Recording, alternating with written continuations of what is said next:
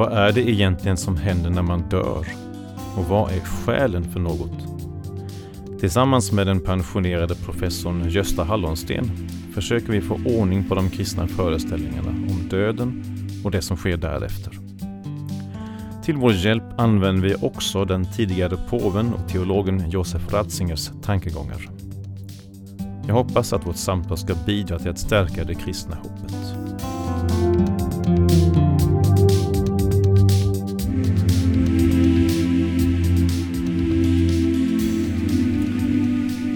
Välkommen Gösta. Tack. Vi gör den här inspelningen i ditt hem i Lund. Där du har verkat som professor i ganska många år. En professor i teologi, närmare bestämt systematisk teologi. Och det är nog inte alla lyssnare som vet vad systematisk teologi är för någonting egentligen. Kan du bara kort säga det? Systematisk teologi kallades för för dogmatik. Och jag doktorerade faktiskt i dogmatik och blev docent i dogmatik och sen bytte ämnet eh, namn till systematisk teologi. Men eh, det är egentligen samma ämne, nämligen att man eh, ska vi säga systematiskt, historiskt och systematiskt bearbetar den kristna trons huvudpunkter och ja, tolkningsproblem så att säga. Inne, själva innehållet i tron. Och just idag så tänkte jag vi skulle se mer på det här med döden och lite grann med hjälp av Josef Ratzinger. Eh, han har skrivit en bok som heter Eskatologi. Eh, han skrev den 1977 om jag minns rätt. Ja, den kom ut 1977. Just det. Och jag köpte den i ett omtryck när han blev påve 2005. Ja. Just det. Och jag vet att du har träffat Ratzinger en del i, i ditt arbete. Ja. Eh, jag vet att du var med i en kommission i Vatikanen Eh, Eh, som han ledde under några år. Vad hette den? Ja, Internationella teologkommissionen. Det är en eh, rådgivande organ i den katolska kyrkan. Består alltså enbart av teologer, katolska teologer och eh, de ska, det ska vara 30 stycken som representerar hela världen. Så det var intressanta med det var ju faktiskt väldigt mycket att få träffa, träffa katolska teologer från, ja, från hela världen, alla världsdelar. Ratzinger skrev sin bok eh, med en särskild bakgrund eller av en särskild orsak. Har jag fått lära mig någon gång. Vad var det? Ja, eh, boken heter väl egentligen Eskatologi Auferstehung und eviges Leben, uppståndelse och evigt liv. Den var egentligen en, tänkt som en, eh, ska vi säga, en mer avancerad teologisk lärobok i en serie som han och en kollega i Regensburg höll på att ge ut. Och då hade han åtagit sig den här sista delen, så att säga, eskatologin.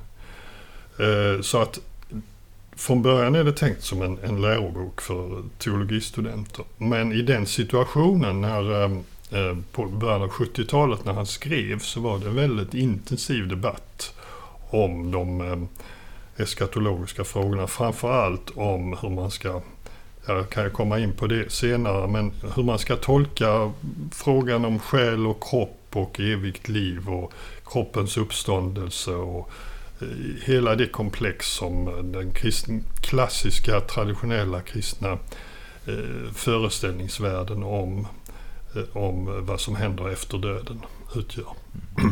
Så att det, det mycket klart att denna bok kommer att också bli ett debattinlägg i en intensiv debatt. Var det inte också så att han lite grann gick emot den trend av politiserande av eskatologin? Så att... Jo, men det hade han på ett sätt gjort hela tiden. Det är intressant med, med Josef Ratzinger att han blev ju känd när han hade kommit till Rom som prefekt för eh, troskongregationen på 80-talet.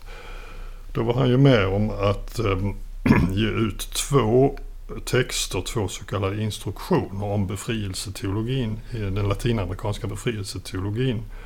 Och eh, fick ju mycket kritik för det. För att befrielseteologin var ju ganska populär också i Europa. Eh, men den, mm, den eh, kritik som fanns där, så först och främst måste man ju säga att det var ju det var en kritik av eh, så att säga det teologiska men inte av det pastorala. Eh, utgångspunkten i Latinamerika från 1968 när man hade en biskopskonferens i Medellin. Eh, det var ju att kyrkan ska prioritera arbetet bland de fattiga. Alltså den, den primära optionen för de fattiga.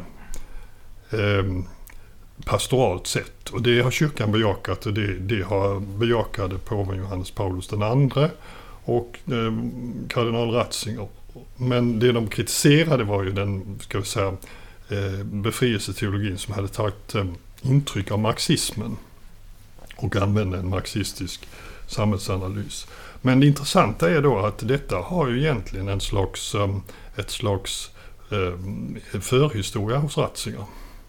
Nämligen att han skrev sin habilitationsskrift, sin andra doktorsavhandling kan man kalla det, på 1950-talet om, eh, om Bonaventura. Eh, och Bonaventura var ju samtidigt med Thomas av Aquino på 1200-talet. Eh, Bonaventura var franciskan och spelade en stor roll i franciskanorden. Och då eh, fanns ju där en radikal franciskansk Eh, Eh, spiritualitet med Joakim av Fiore som hade sådana politiska implikationer. Jag vill, kan inte närmare utlägga det för det är inte riktigt mitt område men alltså det finns en slags linje där. Och, och likaså eh, kan man ju säga att när Ratzinger han spelade en stor roll under andra Vatikankonciliet och räknades eh, före konciliet och under större delen av konciliet till de vad man kallade för de progressiva koncilieteologerna. Men sen skar det sig ju. Eh, de gick ju skilda vägar mot slutet av konciliet och efter konciliet när, när väldigt mycket av, av eh, kyrkan och teologerna eh, radikaliserades så kom Ratzinger och blev betraktad som snarare som konservativ eller reaktionär. Så att även han liksom följde inte riktigt med han vill inte gå med i de här trenderna som ju också yttrar sig då i, eh, i den här eskatologiska debatten på 70-talet. Du har också själv nyligen skrivit en artikel, artikelserie, men framförallt en artikel jag är ute efter här, nämligen den som heter Härligheten och det är i tidskriften Signum, en katolsk tidskrift. Som handlar då delvis om det ämne vi har pratat om här, eller ska prata om, mm. döden. Och nu kanske också den som lyssnar eh, kan gissa att du är katolik. Mm. Eh, och vi kommer delvis utgå ifrån eh, katolsk föreställning här, åtminstone mm. inledningsvis. Om du i korthet skulle säga vad den katolska kyrkan lär om döden och det som följer därefter. Hur skulle, vad skulle du säga? Jag skulle säga så här att om man slår upp katolska kyrkans katekes så bekräftar den ju eh, egentligen en klassisk kristen eh, syn på, på döden och det eviga livet. För att det, det har ju varit, eh, om man bortser från läran om skärselden så kan man ju egentligen säga att eh, den, den klassiska framställningen av eskatologin är ju i stort sett likadan om du går tillbaka 100-150 år och slår upp en luthersk katekes, en katolsk katekes eller en, en östlig ortodox katekes så får du liksom samma, samma eh, framställning. Och den framställningen kan man ju egentligen säga är ett slags systematisering av vad som sägs i skriften. Eh, och i skriften så är, är ehm, det som sägs om döden och det eviga livet är egentligen ganska osystematiskt och eh, ju hållet i ett bildspråk som är hämtat från, från eh, Gamla Testamentet, från Israels historia. Men eh, i kyrkans historia så kommer man ju rätt så tidigt då att systematisera det här kan man säga. Så att när man dör, då är ju, då är ju liksom den klassiska framställningen så här. Människan består av kropp och själ när, man, när människan dör så skiljs kropp och själ åt. Och kroppen vilar i graven till uppståndelsens morgon. Men själen lever vidare för själen, själ, tanken på själens odödlighet kom ju tidigt att, eh, att omfattas av kyrkan. Eh, och eh, då finns, det räknar man ju på olika sätt i de olika traditionerna med ett mellantillstånd, en väntan på den, den yttersta domen. Poängen i den här klassiska kristologin är ju då att, att eh, fulländningen kan inte ske förrän, eh, förrän så att säga, historien har nått sitt slut. Och då eh, kommer Kristus tillbaka och det är ju ett mycket present tema i Nya Testamentet, med Kristi återkomst, parosin. Och han ska döma levande och döda som det står i trosbekännelsen. Och då inför denna dom, denna världsdom, så förenas Eh, Eh, själen med den eh, kropp som då Gud uppväcker ur graven. Detta är ju egentligen den klassiska eskatologin. Och i, i, världs, i eh, den yttersta domen så sker det en dubbel utgång. Alltså eh, Tänk på Matteus 25. Alltså med de stora domsliknelserna, framförallt denna med fåren och getterna. Så det, det finns två möjligheter, himmel och helvete frälsning och fördömelse. Enligt denna klassiska, eh, detta klassiska schema. Och eh, sen kan man naturligtvis också kommentera hur detta med mellantillståndet. Men vi kanske ska vänta med det för det har ju att göra med de här kontroversfrågorna som, som eh, kom upp under 70-talet. Eh, men vad jag vill tillägga här, detta är det klassiska schemat och det, egentligen är det inte så stor skillnad mellan konfessionerna. Eh, mm, åtminstone inte om vi går tillbaka till, till eh, katekeser och eh, läroböcker som ligger hundra år tillbaka i tiden och, och tidigare. Men i nutiden eh, så har den ju ifrågasatts ganska mycket. Eh, så att i nutiden är det kanske lite osäkert hur, hur olika kyrkor och olika eh, representanter för kyrkor förhåller sig. Men om man läser den katolska kyrkans katekes så är det ju uppenbart att där, där bekräftas denna lära. Samtidigt som där ges öppningar för en, en tolkning. Och det är ju där som det intressanta kommer in. Hur ska man förstå allt det där? Ja, precis. Det är inte så lätt. Men jag måste lite protestera här. Eller protestera, jag måste åtminstone fråga. Du säger att om det kommer till modern tid så blev det, så blev det lite kontroverser kring det hela. Men även Luther var väl ändå ganska kritisk till tanken på ett mellantillstånd där vi var medvetna? Eller? Ja, jo, jo. Luther hade ju, hade ju tanken på, på sömnen. Alltså i, I Nya Testamentet så talas det ju om, ibland, Paulus talar ju gärna om de döda som de avsomnade. Och exegeterna säger att det, det, är bara, det är liksom en klassisk bild som man använde på den tiden. Han är död, han, han har somnat in. Så kan ju vi också säga.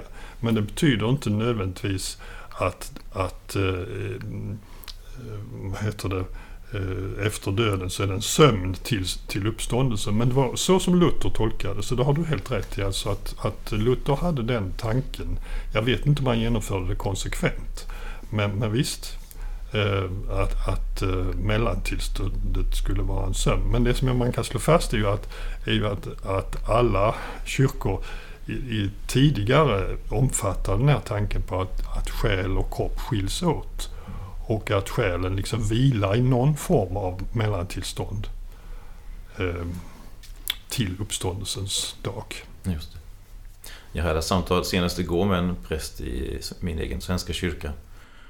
Då vi talar om just det här med mellantillståndet. Mm. Och det är ju det är ju någonting vi inte tar upp egentligen. Någonting, förmodligen beroende på Luthers lite avoga inställning. Eller att, han, eller att han benämner det vid sömn och då, mm. då den eviga vilan.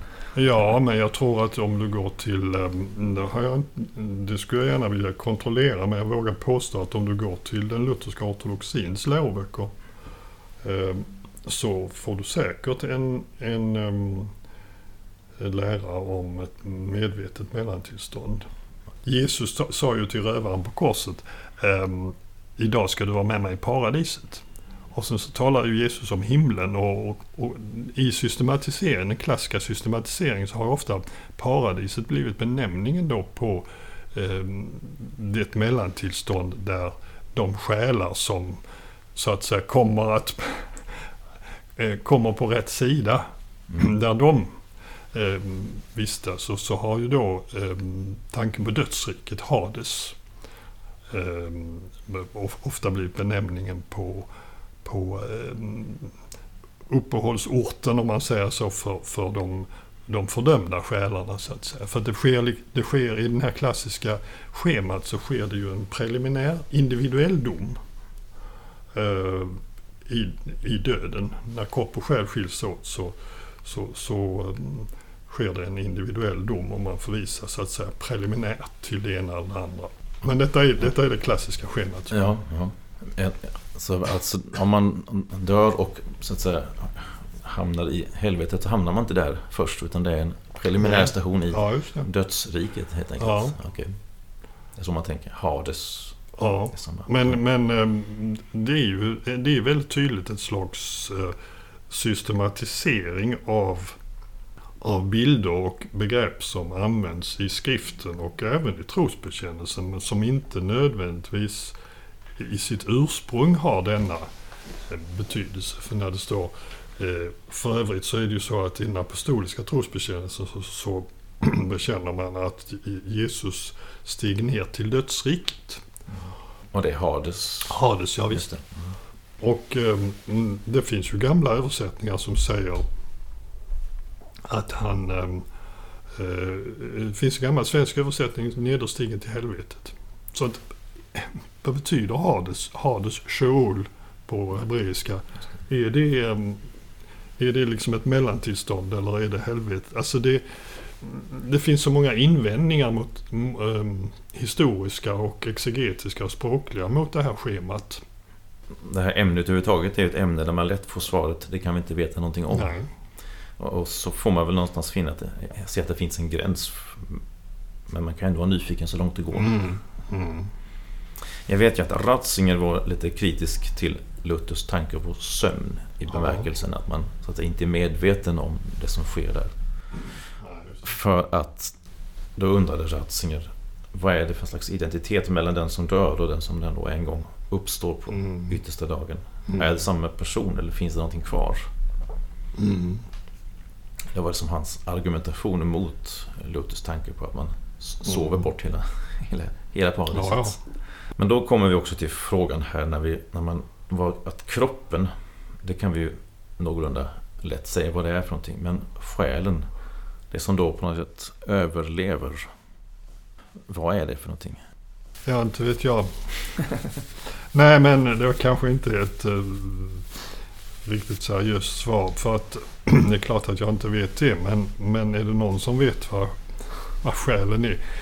Alltså problemet som vi har idag är ju helt enkelt att när, när filosofer och eh, naturvetare, neurovetare, alltså hjärnforskare och så talar om själen så menar de medvetandet. Det, det är väldigt tydligt att eh, det, det, är det som man diskuterar. Har människan en själ? Ja, då, då diskuterar man vad medvetandet är. Är det liksom eh, reak kemiska reaktioner i hjärnan eller är det någon, någon form av mm, självständig entitet av något slag? Det är det som diskuteras idag. Men, men alltså om man går till äldre filosofi så är ju själen själva livsprincipen. Eh, det som besjälar en människa. Djuren har också själ enligt Aristoteles. Till och med växterna har ett slags själ därför att de lever ju. Så själ, och det tänkandet finns ju också i, i Bibeln. Att själen är det som gör att människan lever.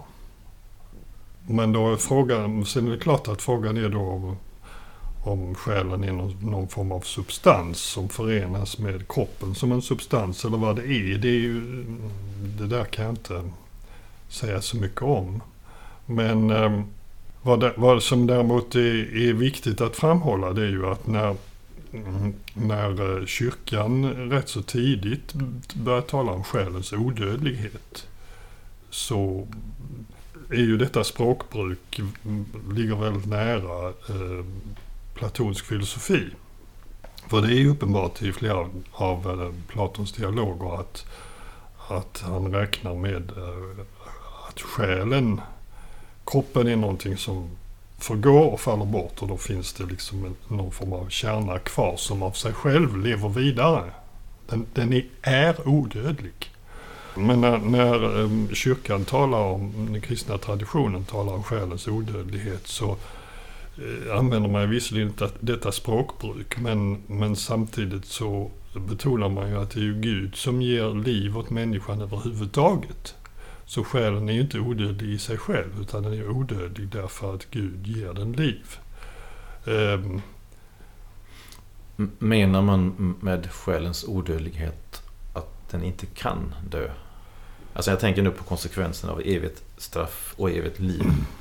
Ja, i, i den meningen att Gud har skapat människan så att människan, in, människan är skapad för evigheten och det, det löftet kommer Gud att, att hålla så att säga. Det, det skulle jag säga, det, det kan man tala om själens odödlighet och, i kristen tradition skulle man formulera på så på, på så sätt. Och sen när då man kommer fram till eh, Josef Ratzinger och andra som, som då utlägger detta i moderna termer så, så ser man naturligtvis då ganska tydligt att själen är naturligtvis inte, vi kan inte veta vad Själen är inte någon, liksom någon substans som är, liksom finns och vi kan utforska och finna i människan utan detta, detta språk står för att Gud har skapat människan till sin avbild och denna avbild är i den meningen oförstörbar att Gud, har, Gud uppehåller den.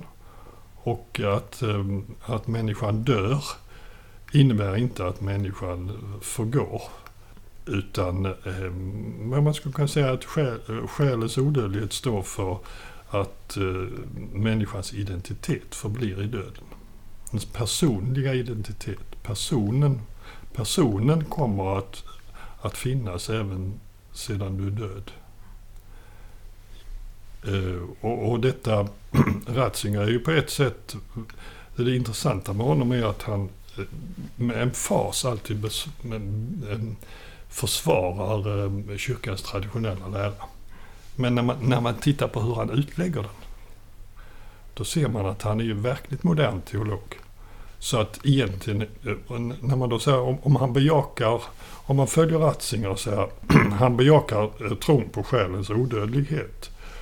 Och när han sen tolkar den så, så skulle man kunna säga att han gör en relationell tolkning av den. Det vill säga att det är människans identitet som person förblir därför att, vi, eh, därför att eh, vi har en relation till Gud. Och det är egentligen det som är, det hela står för. Och det är ju en radikal tolkning kan man säga av, eh, av hela skapelseteologi, skapelse och frälsningsteologi. Att allting beror på Gud. Allting beror på Gud. Gud har skapat allt och uppehåller allt. Och eh, eh, i den mån vi gör något överhuvudtaget så gör vi det ju därför att Gud har allt i sin hand och vill att vi ska ha denna förmåga och möjlighet. Mm. Jag har noterat när jag läste Ratzinger att gemenskap är ett viktigt ord. Mm. Liksom då relation. De relation är väldigt viktigt. För till exempel när han kommer till talet om helvetet. Ja. Så, säger, så, så att jag förnekar ju inte att människan består då. Men han frågar sig vad är det för slags liv som Nej, är utan det, relation? Det är en människa, alltså att vara i helvetet är att vara, att vara människa utan Guds relation. Eller, ja. eller ha en, um, en gudsrelation som är totalt fördärvad, bruten så att säga. Mm. Mm. Det, det, skulle han nog säga. Han, han frågar sig då vad är det för slags liv överhuvudtaget mm. om man inte har någon mm. relation. Men ibland så kan man säga att, att Ratzingers teologi är ganska existentialistisk. Eh, det är klart det, det är farligt att säga det därför att det, det kan missförstås. Uh, för han är ju inte existentialist i den filosofiska meningen. Men han är, drar mycket ändå åt det här hållet att förklara saker. Först försvarar han uh, kyrkans tro och tradition och lära. Men, och, och sen så när han kommer till frågan hur ska man förstå det, hur ska man tolka det? Då tolkar han det gärna i existens och relationstermer. Mm. Det, det är så uppfattar jag honom. Alltså då blir det någon form av subjektiv förklaring? Ja, vad menar du med subjektiv? Jag, skulle, jag aktar mig för att använda ordet subjektiv av lätt insedda skäl. Ja, Men det blir en personlig. personlig kan vi kalla det. Utan en personlig relation till Gud så är ju, är ju de här eh, utan att se det i ljuset av eller personlig relation till Gud så är ju hela den här struk- klassiska struk- eskatologiska strukturen ganska meningslös. Som det liksom bara är någonting En del av de diskussioner som har förts kring det här eh, har att göra med då eh, odödligheten och tanken på att om det inte finns någon tid efter döden, Mm. hur kan man då tala om ett mellantillstånd exempelvis? Alltså då, då kommer frågan om tiden och evigheten in Mm. i det hela. Mm. Ja, då är vi tillbaka till det som du sa i början, nämligen att han skrev den här, sin, sin eskatologi eh, i en situation där det var en väldigt kontrovers debatt om detta. I och för sig tror jag inte att, att eh, hans eskatologi är helt betingad av det, utan man kan hitta även i tidigare skrifter av honom en hel del som lutar åt eh, det håll som han tar ståndpunkt i. Men han framförallt så, framförallt så är han ju polemisk mot eh, eh tanken på Auferstehung im Tod, uppståndelse i döden. Eftersom många teologer, och flera då framstående katolska teologer i Tyskland, hade lanserat den här tanken att ja, men om det nu inte finns någon tid, vi vet ju det. Tiden är en dimension i skapelsen, i den tillvaro som vi lever med, med kropp och i den materiella tillvaron och historien. Om då tiden upphör efter döden, och det stämmer ju också med, med traditionen. Ehm, det finns ju efter döden ingen tid att, att verka så att säga. Det är därför döden är det i en klassisk syn. syn ha, eh, döden är verkligen det definitiva slutet för vad vi kan, hur vi kan inrikta vårt liv, hur vi, vad vi kan göra. Det finns ingen tid efter döden. Och vad är det då för mening att tala om ett mellantillstånd? För det kan man inte tala om om man inte använder eh, tidsbegrepp eller... Alltså rumsbegreppen är lättare att komma till rätta med. Ingen tror ju att, att eh, paradiset eller skärselden eller vad det nu är, att det är en plats. Ehm, men det är ett tillstånd. Men, men ehm, det låter ju som om det var, var någon form av tidsaspekt på det hela. Och framförallt är det ju då problemet att, att eh, eh, om man liksom eh, ska... Tanken med mellantillstånd är ju att, att själen inväntar historiens slut. Det vill säga inväntar den yttersta dagen. Och det är lite svårt att säga invänta utan att det har en tidsaspekt.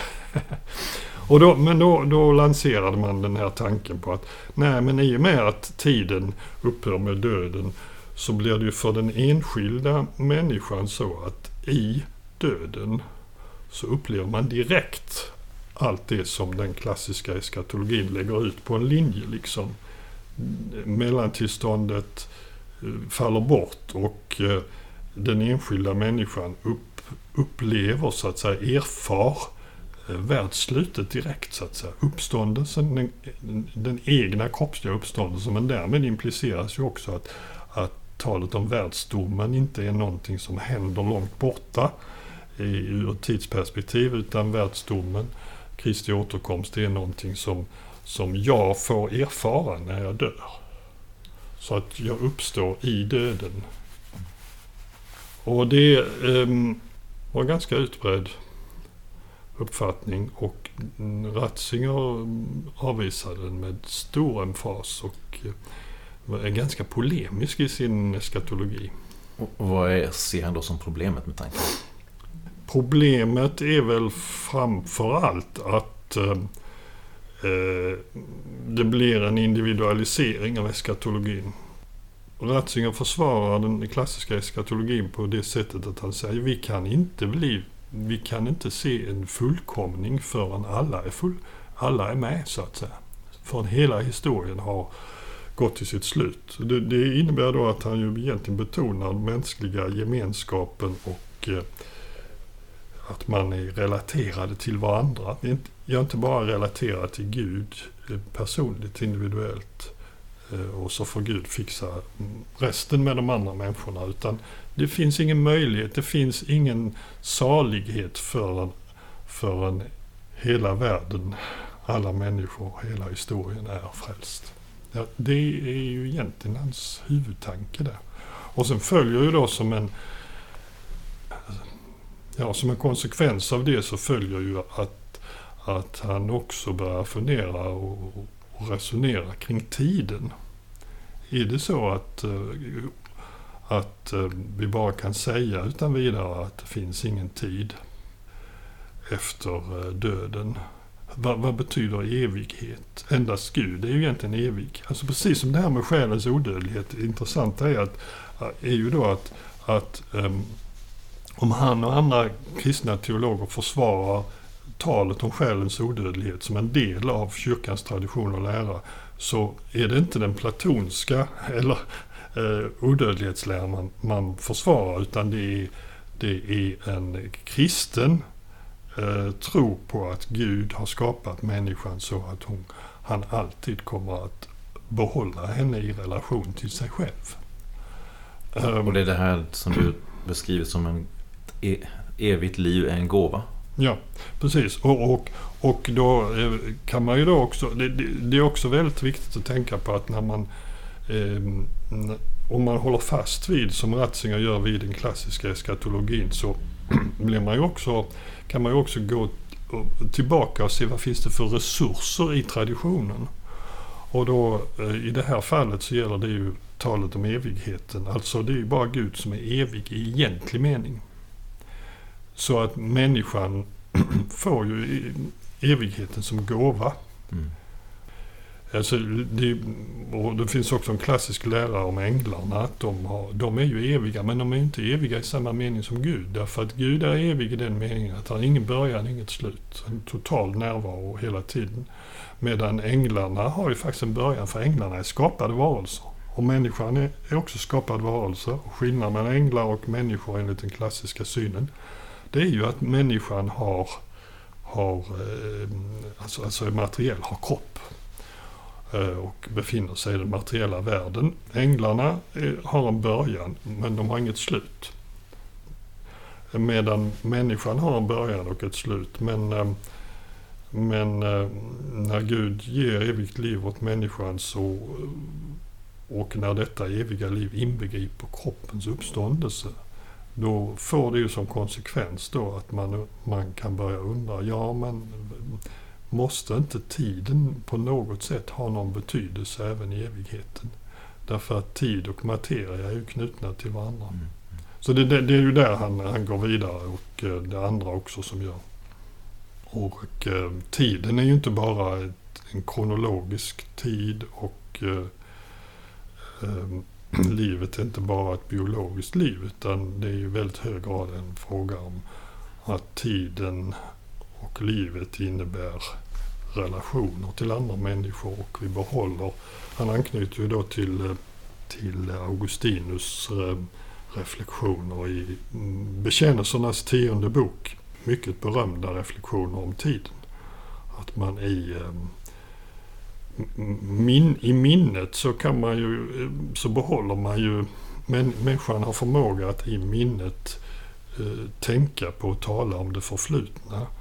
Och vi befinner oss i nuet men vi kan också tänk, tänka framåt. Alltså man, man, man samlar allt detta i, i sitt minne, i sin själ skulle man kunna säga. Och eh, utifrån detta resonerar då Ratzinger om att det finns en slags memoriatid, en minnestid. För människan när hon dör och skiljs från, från kroppen, när själen skiljs från kroppen och man inte längre befinner sig i den här tidsströmmen i det materiella så kan man ändå undra om inte det finns, eh, alltså minnet i den meningen spekulerar han i, finns liksom kvar och följer människan så att säga. Mm, mm. Följer människan efter döden. Men, men alltså hur det ska tänkas och alltså det, det är mycket intressant att läsa det. Men det är svårt att föreställa sig det. Ja. Dock kan man ju säga så här att det, det han också gör, och det, det är ju För katolsk fromhet och även för östlig ortodox fromhet är ju detta viktigt. Det är ju så att man ber, vi ber för de döda. Och det, ehm, det har man ju gjort sedan urminnes tider. De, de ortodoxa är ju helt klara över det, att de ber för de döda. Mm. Varför ber vi för de döda? Ja, det är ju för att vi tror att det finns någon form av, av eh, relation som fort, fortgår mellan oss och de, de döda och Gud på något sätt. Det finns en slags, ja, jag vet inte vad man ska använda för ord, men, men det är där i det sammanhanget som det här blir, en, blir intressant med tiden och minnet. Och, Jag, när du skrev det här med att evigt liv är en gåva så reagerade jag bara lite på det. Jaså? För att just, jag hade tänkt att, det, att livet var skapat på ett sådant sätt av Gud att det som i sig själv var evigt. Medan om man tänker, medan jag fick bilden av att evigt liv är en gåva, då liksom får man en extra, extra gåva så att säga. Evigt Ja. liv. Men det är kanske inte så det tanken är, utan det är Nej. mer i, i samma bemärkelse som att livet är en gåva. Att vi är totalt, ja, egentligen är det väl det. Ja. i, och att vi är totalt beroende av Gud. Mm. Kommer vara det Mm. för alltid. All evighet. Ja, och ehm, här i Lund så har man ju mm, av tradition talat mycket skapelseteologi. Det var ju Gustav Wingens skapelseteologi och det är inte den som jag är Nej. ute efter här. Men om du läser Ratzinger och framförallt om du läser Uppenbarelseboken Mm. så, så ser du ju vilken enorm betydelse skapelsetron har. Och eh, det, det slår mig ofta när jag läser Uppenbarelseboken. Den, den är ju svår i vissa delar men det finns ju fantastiska ställen och ofta är de ju, en del av dem är ju, finns ju i, i tidigare, i timmarnas liturgi Mm. som, som eh, sånger. Eh, och hur, hur då liksom man framställer det eviga livet eh, eller himmelen som där man prisar skaparen. Mm. Alltså det ska, ska, eh, skaparen, skapelsetron i den meningen att livet är, att livet är en gåva. Och därmed också det eviga livet är en gåva. Mm. Det, det är det som jag är ute efter här och som jag tror att han också, Ratzinger också är ute efter. Precis. Det är lite svårare att, att beskriva evigt straff som en gåva. Men det Ja, är mer en konsekvens av Men det är, ju inget, det. det är ju inget egentligt liv och det, och det är ju, om man ska gå lite utanför, nu har vi ägnat oss mycket åt Ratzinger, men när jag själv reflekterar över det eviga livet så tänker jag ofta på att eh, man måste framförallt läsa Johannes evangeliet och Johannesskrifterna för att då betonas ju detta. Alltså ta, ta det här, en, en, en vanlig invändning mot kristen tro och tro på evigt liv. Det är, ju, men är det inte här och nu vi ska leva och så vidare. Detta är vårt enda liv, säger folk. Eh, Och ja, vi, vi vet ju inget annat. Vi, alltså, tron på det eviga livet bygger på, det är tro. Tron på Kristi uppståndelse bygger på vittnen. Det har vi ju hört i kyrkan nu de senaste dagarna. Bygger på vittnen. Ingen har varit där. Ingen har varit i det eviga livet och kommit tillbaka och talat om för mig att ja, men det, det, det är fint där på andra sidan. Du, du är välkommen. Eh, det finns ju visserligen inom, inom sån här spiritual som förr kallades för negro spiritual. If you go to heaven before I do tell all my friends I'm coming there too. det, är- det är ju jätteroligt som, som en, en, eh, ett uttryck för tro. Men, men det är ju inte invändningen är att ja, men är inte det eviga livet och bara eh, och tron på himmel. Det är något som tar oss bort från detta livet. Eh, från koncentrationen på det som vi behöver ägna oss åt här och nu. Göra eller mm, och så. Visa våra medmänniskor eh, kärlek och omtanke och så vidare. Mm, och, det är det ju inte. För därför att det, tron på det eviga livet påverkar i hög grad vad, vi gör här och nu. Det är hoppet. Men framförallt så är det ju så att eh, Johannes evangeliet, Jesus i eh, säger ju väldigt ofta i Johannes, inte bara i avskedstalet utan eh, på många ställen i Johannes evangeliet att, att det eviga livet, den som tror på mig har det eviga livet. Han lever om han ändå. Och allt detta är, är ju oerhört viktigt. Att det är det eviga livet börjar här och nu och är en erfarenhet. Så, och då kan man också koppla det till, till eh, det som jag säger i min artikel i Signum och som jag har tagit upp från flera av de här stora teologerna. Att det, eskatologin måste vara kristologisk. Den måste orienteras utifrån det centrala kristna budskapet. Tror du på Jesus Kristus som uppstånden från de döda så ja, då är det det, är det eviga livet. Mm. Och vi har ju precis firat påsk nu mm. när, när vi har den här intervjun. Och då vill jag komma till betydelsen av just Kristi uppståndelse. Mm. För han levde så att säga i en, han tog över den judiska tron. Mm. Och du citerade härifrån eh, när, när Jesus mötte Maria och mm. Lazarus just har dött. Mm. Och hon ger uttryck för att jo Lazarus, jag tror att han kommer uppstå på den yttersta dagen. Ja, just det. Men då är min fråga. Jesu död och uppståndelse. Var det någon, vad, nytt innebar den? Ja, alltså om du bara tar Lazarus så är det ju, är det ju tydligt att evangelierna framställer det som att när Jesus uppväcker döda, eh, det är ju flera stycken, flera sådana texter, då återförs de till det liv som vi lever nu och de kommer att dö en andra gång så att säga. Mm, mm. Medan Kristi uppståndelse är, är av en annan kvalitet. Men eh, frågan, var den, var den till, det var din fråga, ja. till, vad tillför den för något nytt? Jag tror så här, jag har alltid läst första Korintierbrevet 15, alltså Paulus uppståndelsekapitel med stort intresse. Det är ett ganska svårt kapitel men oerhört intressant. Um, han säger ju där att um, Kristus har uppstått som förstlingen, stod det i varje fall i den gamla översättningen, förstlingen av de avsomnade.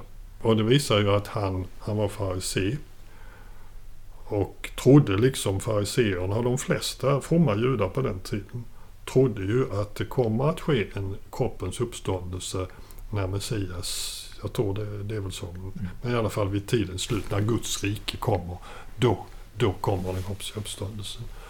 Och det som då Paulus säger det, det, är ju att nu har Kristus på ett för, eh, uppstått och, och, att detta är ett föregripande av det som den judiska förväntan var. Eh, och det är väl egentligen bara så man också kan förstå att lärjungarna, lärjungarna enligt evangelierna har ju, de, de väntade sig ju inte att Jesus skulle uppstå. Absolut inte. Och så, så, att erfarenheten av mötet med de uppståndne, för det är ju egentligen det som är... Det, de vittnar inte i första hand om den tomma graven, den är viktig den också, men vittnena säger ju att, att vi har mött honom. Han har visat sig för oss. Och detta att han visade sig för lärjungarna och att han visade att han lever. Eh, det hade gått, liksom gått in i en, i en annan dimension också med, med, med eh, ehm, han har kropp, man, man känner igen honom, han kan äta och så vidare. Men han är ändå lever i en annan dimension, så är det ju. Men eh, det jag vill komma till är detta att eh, det innebär ju att eh, det var en överraskning för lärjungarna. På en gång så förutsätter Kristi uppståndelse den tron, den judiska tron på den allmänna uppståndelsen. Men den är samtidigt någonting totalt nytt. Eh, för man hade inte räknat med att det skulle ske på det sättet. Och det, det kan väl hända att också frågan om uppståndelsekroppen inbegrips där. Paulus har ju en utläggning där om vad, vad är egentligen uppståndelsekroppen? Ehm, den judiska, det kan jag inte uttala mig om, men det kan man ju fråga en exeget. Jag gissar att den judiska förväntan om, upp, om den allmänna uppståndelsen var lite mer konkret jordisk så att säga. Men att detta ger en ny dimension av tron på uppståndelsen. Men jag, ty jag tycker det är väldigt viktigt att man beaktar det här som Paulus säger att han är, och han säger till och med på, eh, i det kapitlet, första Korinthierbrevet 15, att om det inte finns någon uppståndelse från de döda så har inte Kristus uppstått. Nej. Men nu har Kristus uppstått som förstlingen av de avsomnade. Så att, att han uppstår, det bekräftar den tro som farisén Paulus hade innan. Att det, det, finns en allmän uppståndelse. Och samtidigt så ger det en ny dimension åt, åt eh, vad det hela handlar om. Det är inte bara det att det är förlagt så att säga bakåt till, till ett tidigare skede i historien utan det är också en, en, en ny tillvaro som, som eh, Kristus har gått in i och som då utlovas som en gåva åt alla på uppståndelsens dag. Och som också får konsekvenser för den kristnes liv och kyrkans liv här och nu. Ja. Jag vet att det är från Ratzinger jag har uppmärksammat det här med att han, han betraktar det som eukaristin, nattvarden, som ett, mm. ett, ett sätt att tala om Kristi återkomst mm. till oss också. Ja, just i kropp, kropp och blod. Ja, visst. visst. Jo. Så det, där finns ju också det, en konsekvens av han, Kristi uppståndelse. Ratzinger själv har ju fått gå in i döden. Ja. Han har fått eh, en levande erfarenhet av det han har skrivit om. Ja. Vi själva har fått sitta kvar ett tag till här ja, ja, och, och, och, tänka och spekulera och göra vårt bästa för att få ihop det hela. Så att om vi ska nu knyta ihop det hela. Vad är det vi alltså tror på? Och nu har vi faktiskt inte berört skärselden överhuvudtaget. Jag Nej, tänker att det får bli ett eget avsnitt någon gång. Det behöver du inte heller. Nej. Ja, alltså, om jag bara får säga en sak om skärselden så är det ju det att, att, att man behöver inte hänga upp sig på skärselsläran utan snarare tänka så här. Ja men från första tid, eller från mycket tidig eh, eh, tid i kyrkans historia så har man bett för de döda. Ja. Och det säger de ortodoxa har inte skärselsläran och de, men de säger ja men det, det, är ju det det handlar om egentligen. Man ber för de döda. Ja. Och det är ju en otroligt, alltså det är otroligt eh, tröstrik eh, sak in, in när det gäller eh, eh tankar på, de, på döda anhöriga och kära, nära och kära. Det är ju som man fortsätter be för dem. Och det, mm. det finns ett berömt ställe, i, återigen i Augustinus eh, bekännelser, den Ostia-scenen. Eh, när eh, Augustinus och hans mor Monica eh, samtalar i Ostia innan de ska åka över till Afrika och sen så blir hon ju sjuk och eh, eh, dör där. Och eh, Augustinus och hans bror de eh, säger oh, men vi, vi, vi ska föra över din kropp till Afrika så att du får, dö, får begravas där i fädernas jord. Nej, bry er inte om det, säger Monica. Ni kan begrava mig här, men eh, kom ihåg en sak att ni ska alltid be för mig vid Herrens altare. Och det, det, det, är liksom, det tror jag är, är liksom enormt viktigt. Och mm. Både teologiskt och vad ska jag säga, andligt psykologiskt. Mm. Det tror jag också. Jag kan ibland sakna det i vår liturgi. Att vi inte... Att när någon, någon har blivit begravd så är det liksom slut där. Ja, man, kan, man kan inte göra mer åt saken. Nej, nej. Man, kan inte, man kan inte fortsätta omsorgen riktigt. Nej, heller. nej, nej. Sen tycker jag också personligen att tanken på att, att döden, att kroppens död skulle göra att mitt ego bara ger upp och blir en ängels god ja. på en gång. Det, det, tror jag inte på. Utan någon slags rening måste det ske. Liksom. Ja. Egot släpper inte taget så lätt. Ja, men alltså när vi dör så, mm. Mm. så kommer kroppen att lämnas här. Mm. Någonting lever vidare Mm. som vi kallar själ men som är lite svårt att förstå det. Mm. För att eventuellt då i ett mellantillstånd eh, invänta alla andras liv, hela historiens fortlöpande tills yttersta domen. Mm. Och sen kommer återuppståndelsen. Det var i korthet så. Ja, men eh, alltså jag säger som jag skulle säga, säga att både Ratzingers eskatologi och katekesen bejakar ju detta i medvetande om och lär detta i medvetande om att det är ett bildspråk. Eh, alltså, vi vet ju inte vad som, vilken erfarenhet som väntar. ingen vet det. Nej. Eh, men detta är det sätt vi har som har givits oss skulle man säga eftersom detta bildspråk är hämtat från skriften och trosbekännelsen. Och eh, man hanterar så att säga förväntan om vad som händer efter döden med hjälp av detta. För att det, det är oss givet och därför att det är kopplat till det centrala, nämligen tron på Jesus Kristus.